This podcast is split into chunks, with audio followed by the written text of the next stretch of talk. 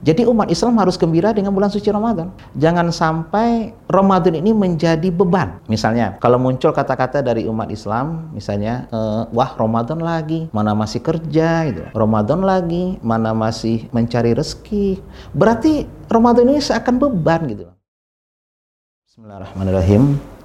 Assalamualaikum warahmatullahi wabarakatuh. Alhamdulillahirrabbilalamin. Asyhadu an la ilaha illallah wa asyhadu anna Muhammadan abduhu wa rasuluh la nabiyya ba'da yaumil qiyamah. Allahumma salli ala Muhammad wa ala alihi haqqa qadrihi wa miqdaril azim. Rabbi israh li sadri yasil amri wahlul 'uqdatam min lisani yafqahu qawli amma ba'du. Kaum muslimin dan muslimat sahabat teras dakwah dirahmati Allah. Syukur alhamdulillah selalu kita ucapkan kepada Allah Subhanahu wa taala. Kita ini dengan salat dan salam kepada nabi kita Nabi besar Muhammad sallallahu alaihi wasallam yang telah mengenalkan kita dengan Allah dengan Islam untuk kebahagiaan kita di dunia dan akhirat kelak. Hari ini kita akan membahas tentang uh, Syahrul Ramadan atau puasa Ramadan, persiapan, uh, hikmah dan filosofi puasa yang Allah berikan kepada kita. Kamu muslimin semua sahabat terdakwa dirahmati Allah. Dalam ilmu syariah memang kita tidak punya pilihan ketika Allah mewajibkan kita melaksanakan sesuatu ibadah. Dalam konteks puasa, Allah berfirman dalam Baqarah 183, Bismillahirrahmanirrahim, ya ayyuhallazina amanu kutiba alaikumusiyam kama kutiba alal ladzina min qablikum la'allakum tattaqun. Di sana Allah menggunakan kata-kata kutiba wajib kita berpuasa. Jadi kalau kita masih berdebat tentang corona, itu tidak ditemukan sebuah masyakkah memang kalau kita ada orang mengusulkan atau bertanya, boleh nggak kita tidak puasa eh, dalam wabah corona ini? Kita jawab, memang dalam ibadah kita temukan beberapa rukshoh, tapi harus ada masyakoh. Misalnya ketika kita sholat, ada rukshoh boleh kita duduk ketika kita tidak sanggup berdiri. Boleh kita koser jamak ketika kita musafir dalam konteks haji juga bisa ada rukshohnya ketika misalnya wabah melanda seperti ini dan bisa juga dalam konteks yang lain. Tapi kalau puasa itu memang rukshohnya untuk orang marid dan orang musafir. Kalau wabah tidak termasuk. Jadi tetap kita melaksanakan kewajiban.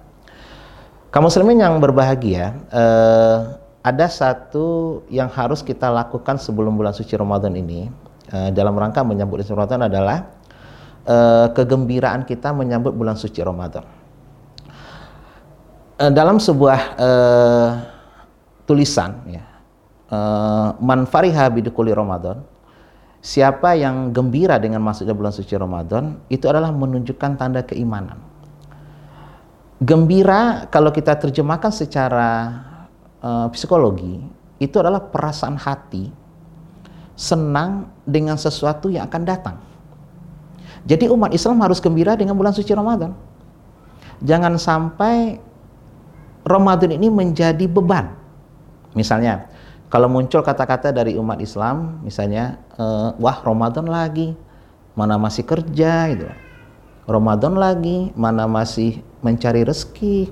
Berarti Ramadan ini seakan beban gitu loh. Ini yang harus tidak boleh kita masukkan ke dalam jiwa kita. Justru kita harus gembira dengan bulan suci Ramadan. Nah, gembira ini kalau kita analogikan dengan kehidupan sehari-hari, itu maknanya adalah sebagaimana kita akan kedatangan orang tua atau yang sudah menikah mungkin kedatangan mertua dari luar kota ke Jogja. Nak, mama mau ke Jogja gitu. Kita kan sangat senang karena orang tua kita akan datang ke sini. Nah, dengan gembira itu kita ada dua perilaku. Pertama kelihatan dari uh, kita bahwa wajah kita berseri, hari-hari kita gembira, senang, karena kita menanti sesuatu yang akan datang. Yang kedua, kita ada persiapan khusus. Misalnya, orang tua kita biasanya senangnya apa, kita siapkan. Oh, dia tidak senang ini, kita hindari. Itu biasanya gembira dengan kedatangan sesuatu, ada persiapan khusus. Nah, dalam konteks Ramadan, gembira kita dengan datangnya bulan suci Ramadan, itu harus ada persiapan khusus. Minimal untuk hal-hal yang berbau ibadah. Monggo kita renungkan, apakah dengan bulan suci Ramadan ini kita mengupdate atau memperbaharui uh, ala-ala sholat kita. Nah ini kita renungkan lagi karena biasanya uh, manusia atau umat Islam yang lain terhadap harta dunia dia tidak pernah hitung-hitungan. Selalu yang terbaru, selalu yang terbaik. Kalau motor terbaru, HP yang terbaru. Pernah nggak kita memperbaharui alat sholat kita? Misalnya PC saja yang kita pakai untuk sholat. Pernah nggak kita beli baru khusus untuk Ramadan? Sajadah kita yang kita pakai untuk sujud. Padahal kalau baju kita update terus per dua bulan. Bahkan mungkin ibu-ibu ya, per satu bulan tuh sudah update model-model baju terbaru, jilbab terbaru. Pernah nggak mengupdate mukena? Kadang-kadang masih kita temukan mukena-mukena yang sudah bertahun-tahun kita pakai. Nah ini salah satu contoh renungan kita menyambut suci Ramadan untuk menunjukkan cinta kita kepada Allah. Ada nggak persiapan khusus kita minimal memperbarui ala-ala sholat itu? Ya, apakah sudah lama kita gantikan? Kalau kita dengan harta dunia begitu, kenapa dengan Allah kita hitung-hitungan? Apalagi nanti kalau sudah masuk bulan Idul Adha, wah kita dituntut lagi cinta kita kepada Allah, dilihatkan lagi di situ. Dengan membeli kambing korban, Oh sering kita nawar itu. Biasanya kalau urusan dunia kita tidak nawar-menawar. Yang terbaik, yang terbaru. Giliran beli kambing korban, nanya itu, bang ada yang murahan nggak? Bang ada yang kurusan nggak? Begitukah kita sama Allah? Kita hitung-hitungan sama Allah. Akhirnya ketika Allah hitung-hitungan sama kita, kita marah. Nah, dalam Ramadan ini, mari kita buktikan cinta kita kepada Allah, minimal memperbaharui. Kalau masih bagus, monggolah dicuci, kalau perlu dikasih pewangi untuk kita beribadah nanti di bulan suci Ramadan. Ini tanda gembira kita dengan masuk bulan suci Ramadan. Bahkan kata Rasulullah, "Lau alimtum, kalau kalian tahu apa yang ada mafi Ramadan, kalian akan meminta seluruh bulan suci itulah bulan suci Ramadan."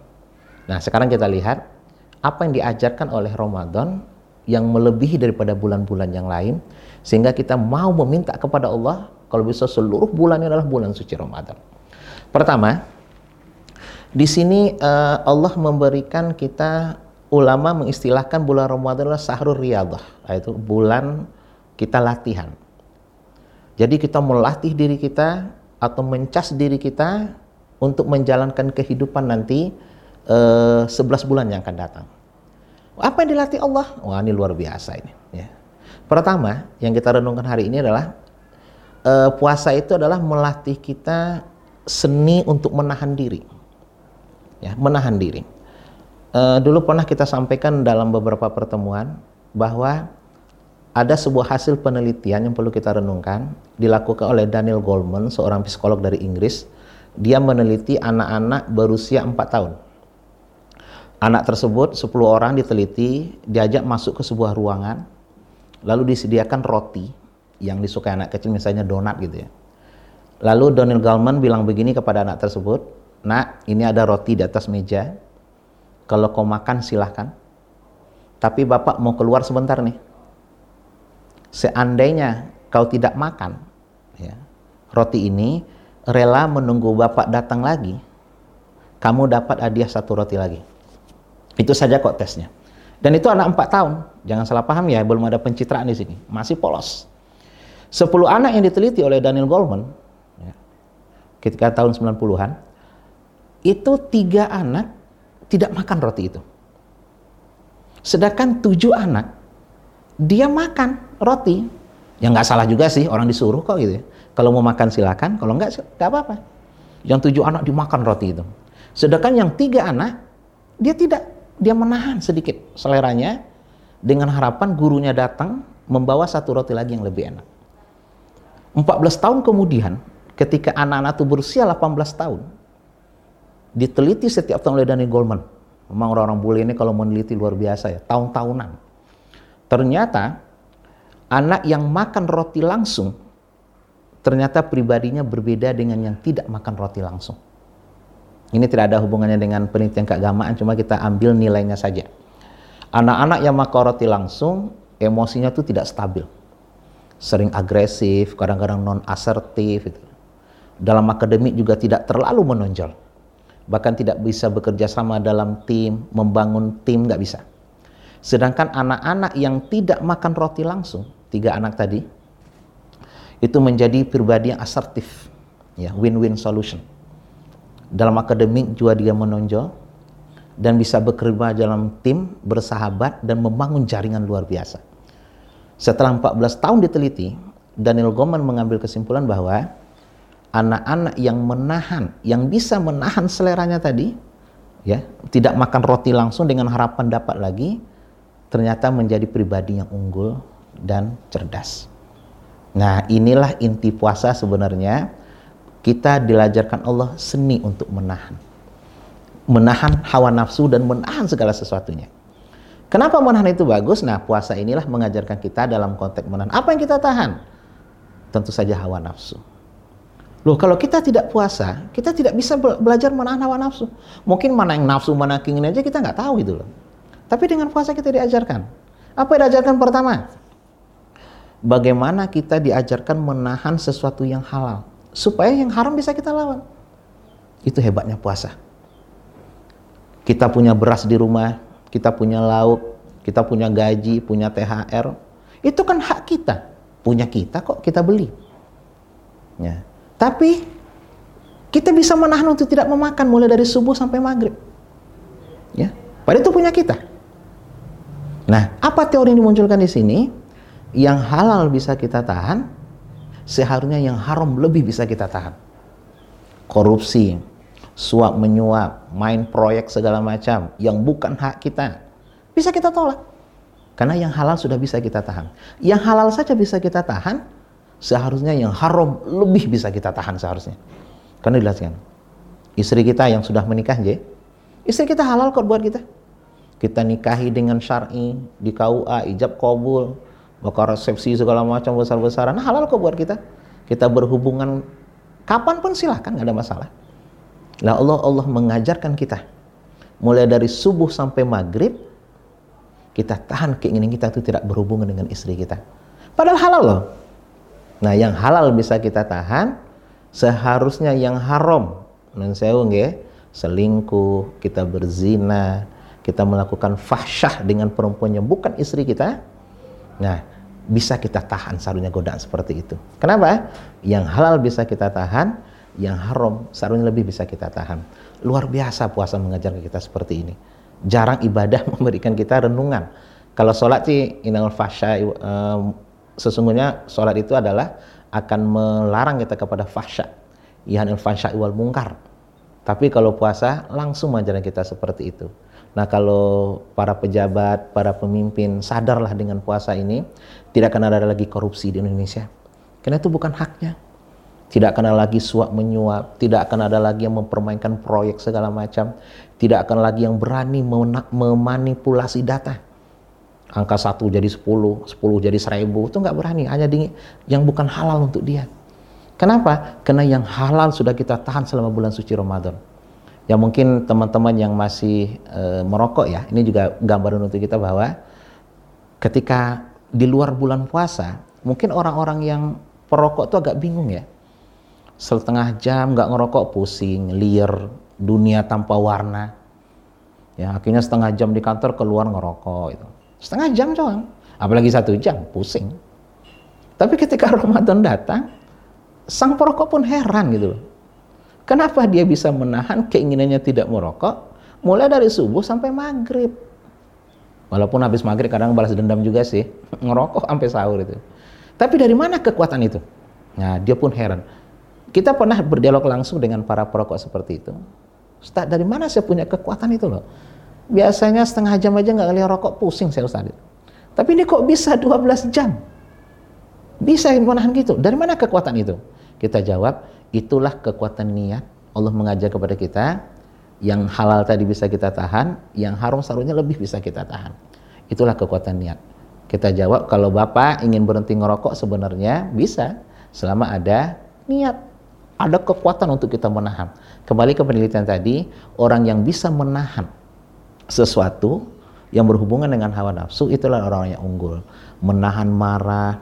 Bahkan kata Imam Syafi'i, uh, kalau bisa kita hebat itulah ketika kita marah, orang tak tidak tahu kalau kita marah. Sahabat melihat Rasulullah marah itu ketika berubah nanti aura wajah Rasulullah. Oh, Rasulullah lagi marah tidak pernah muncak-muncak segala macam, apalagi main pukul, main bacok segala macam. Itulah menyembunyikan satu wal kaziminal ghaiza surah Al Imran 132 menyembuhkan menyembunyikan marah itu adalah luar biasa. Inilah seni menahan yang diajarkan oleh puasa. Makanya ada rukun puasa itu ada dua. Pertama niat. Dengan niat kita bisa me, memformulasi seluruh saraf kita.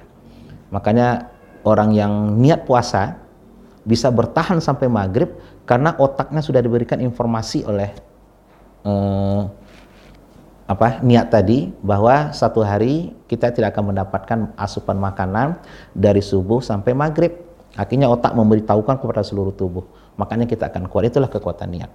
Jadi sering kita apa dengan gembira ini kita bisa melakukan dengan niat. Sering kita formulasikan bahwa kalau kita sudah berniat dalam hati, ya, niat itu merupakan rukun ibadah. Tidak sah ibadah tanpa niat ya termasuk puasa dari ibadah yang lain. Karena dengan niat inilah nanti naik ke otak otak memberitahu kepada seluruh tubuh. Makanya kalau bapak ibu niat eh, kalau bapak bapak maaf niat e, misalnya ingin berhenti ngerokok selama ada niat tuh bisa ya.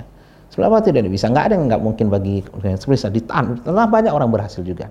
Yang kedua tadi sebagai teori sosial bahwa karena Allah sudah mengajarkan kita kita bisa menahan sesuatu yang halal yang halal bisa kita tahan apa susahnya menahan yang haram? Jangan kita tertipu lagi dengan uh, stigma di masyarakat yang haram aja susah puasa apalagi yang halal lah ini stigma-stigma yang dimunculkan supaya kita tergoda dengan godaan setan. Sebenarnya kita balik yang haram itu sebenarnya yang susah, yang halal itu gampang sekali sebenarnya. Dan kita sudah diajarkan untuk menahan yang halal, untuk uh, menahan yang halal sehingga untuk yang haram nanti kita punya kekuatan dalam tubuh kita, punya keinginan, punya iman, punya niat untuk bisa menahan sesuatu yang berhubungan dengan keharuman 11 bulan yang akan datang. Itulah fungsi puasa diberikan Allah sangat luar biasa.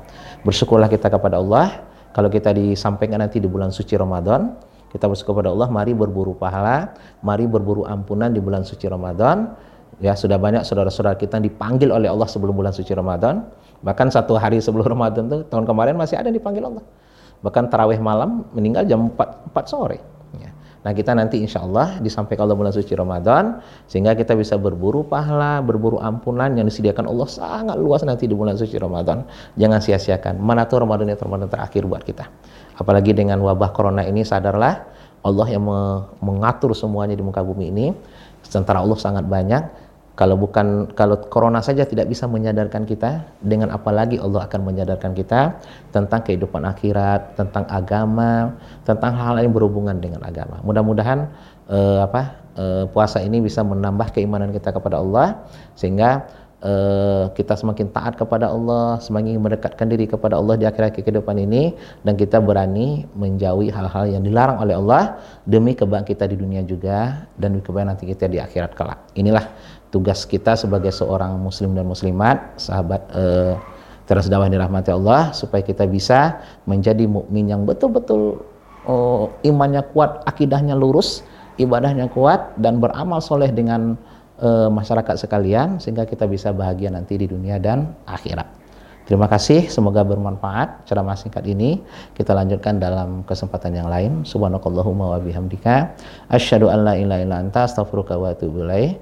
Assalamualaikum warahmatullahi wabarakatuh.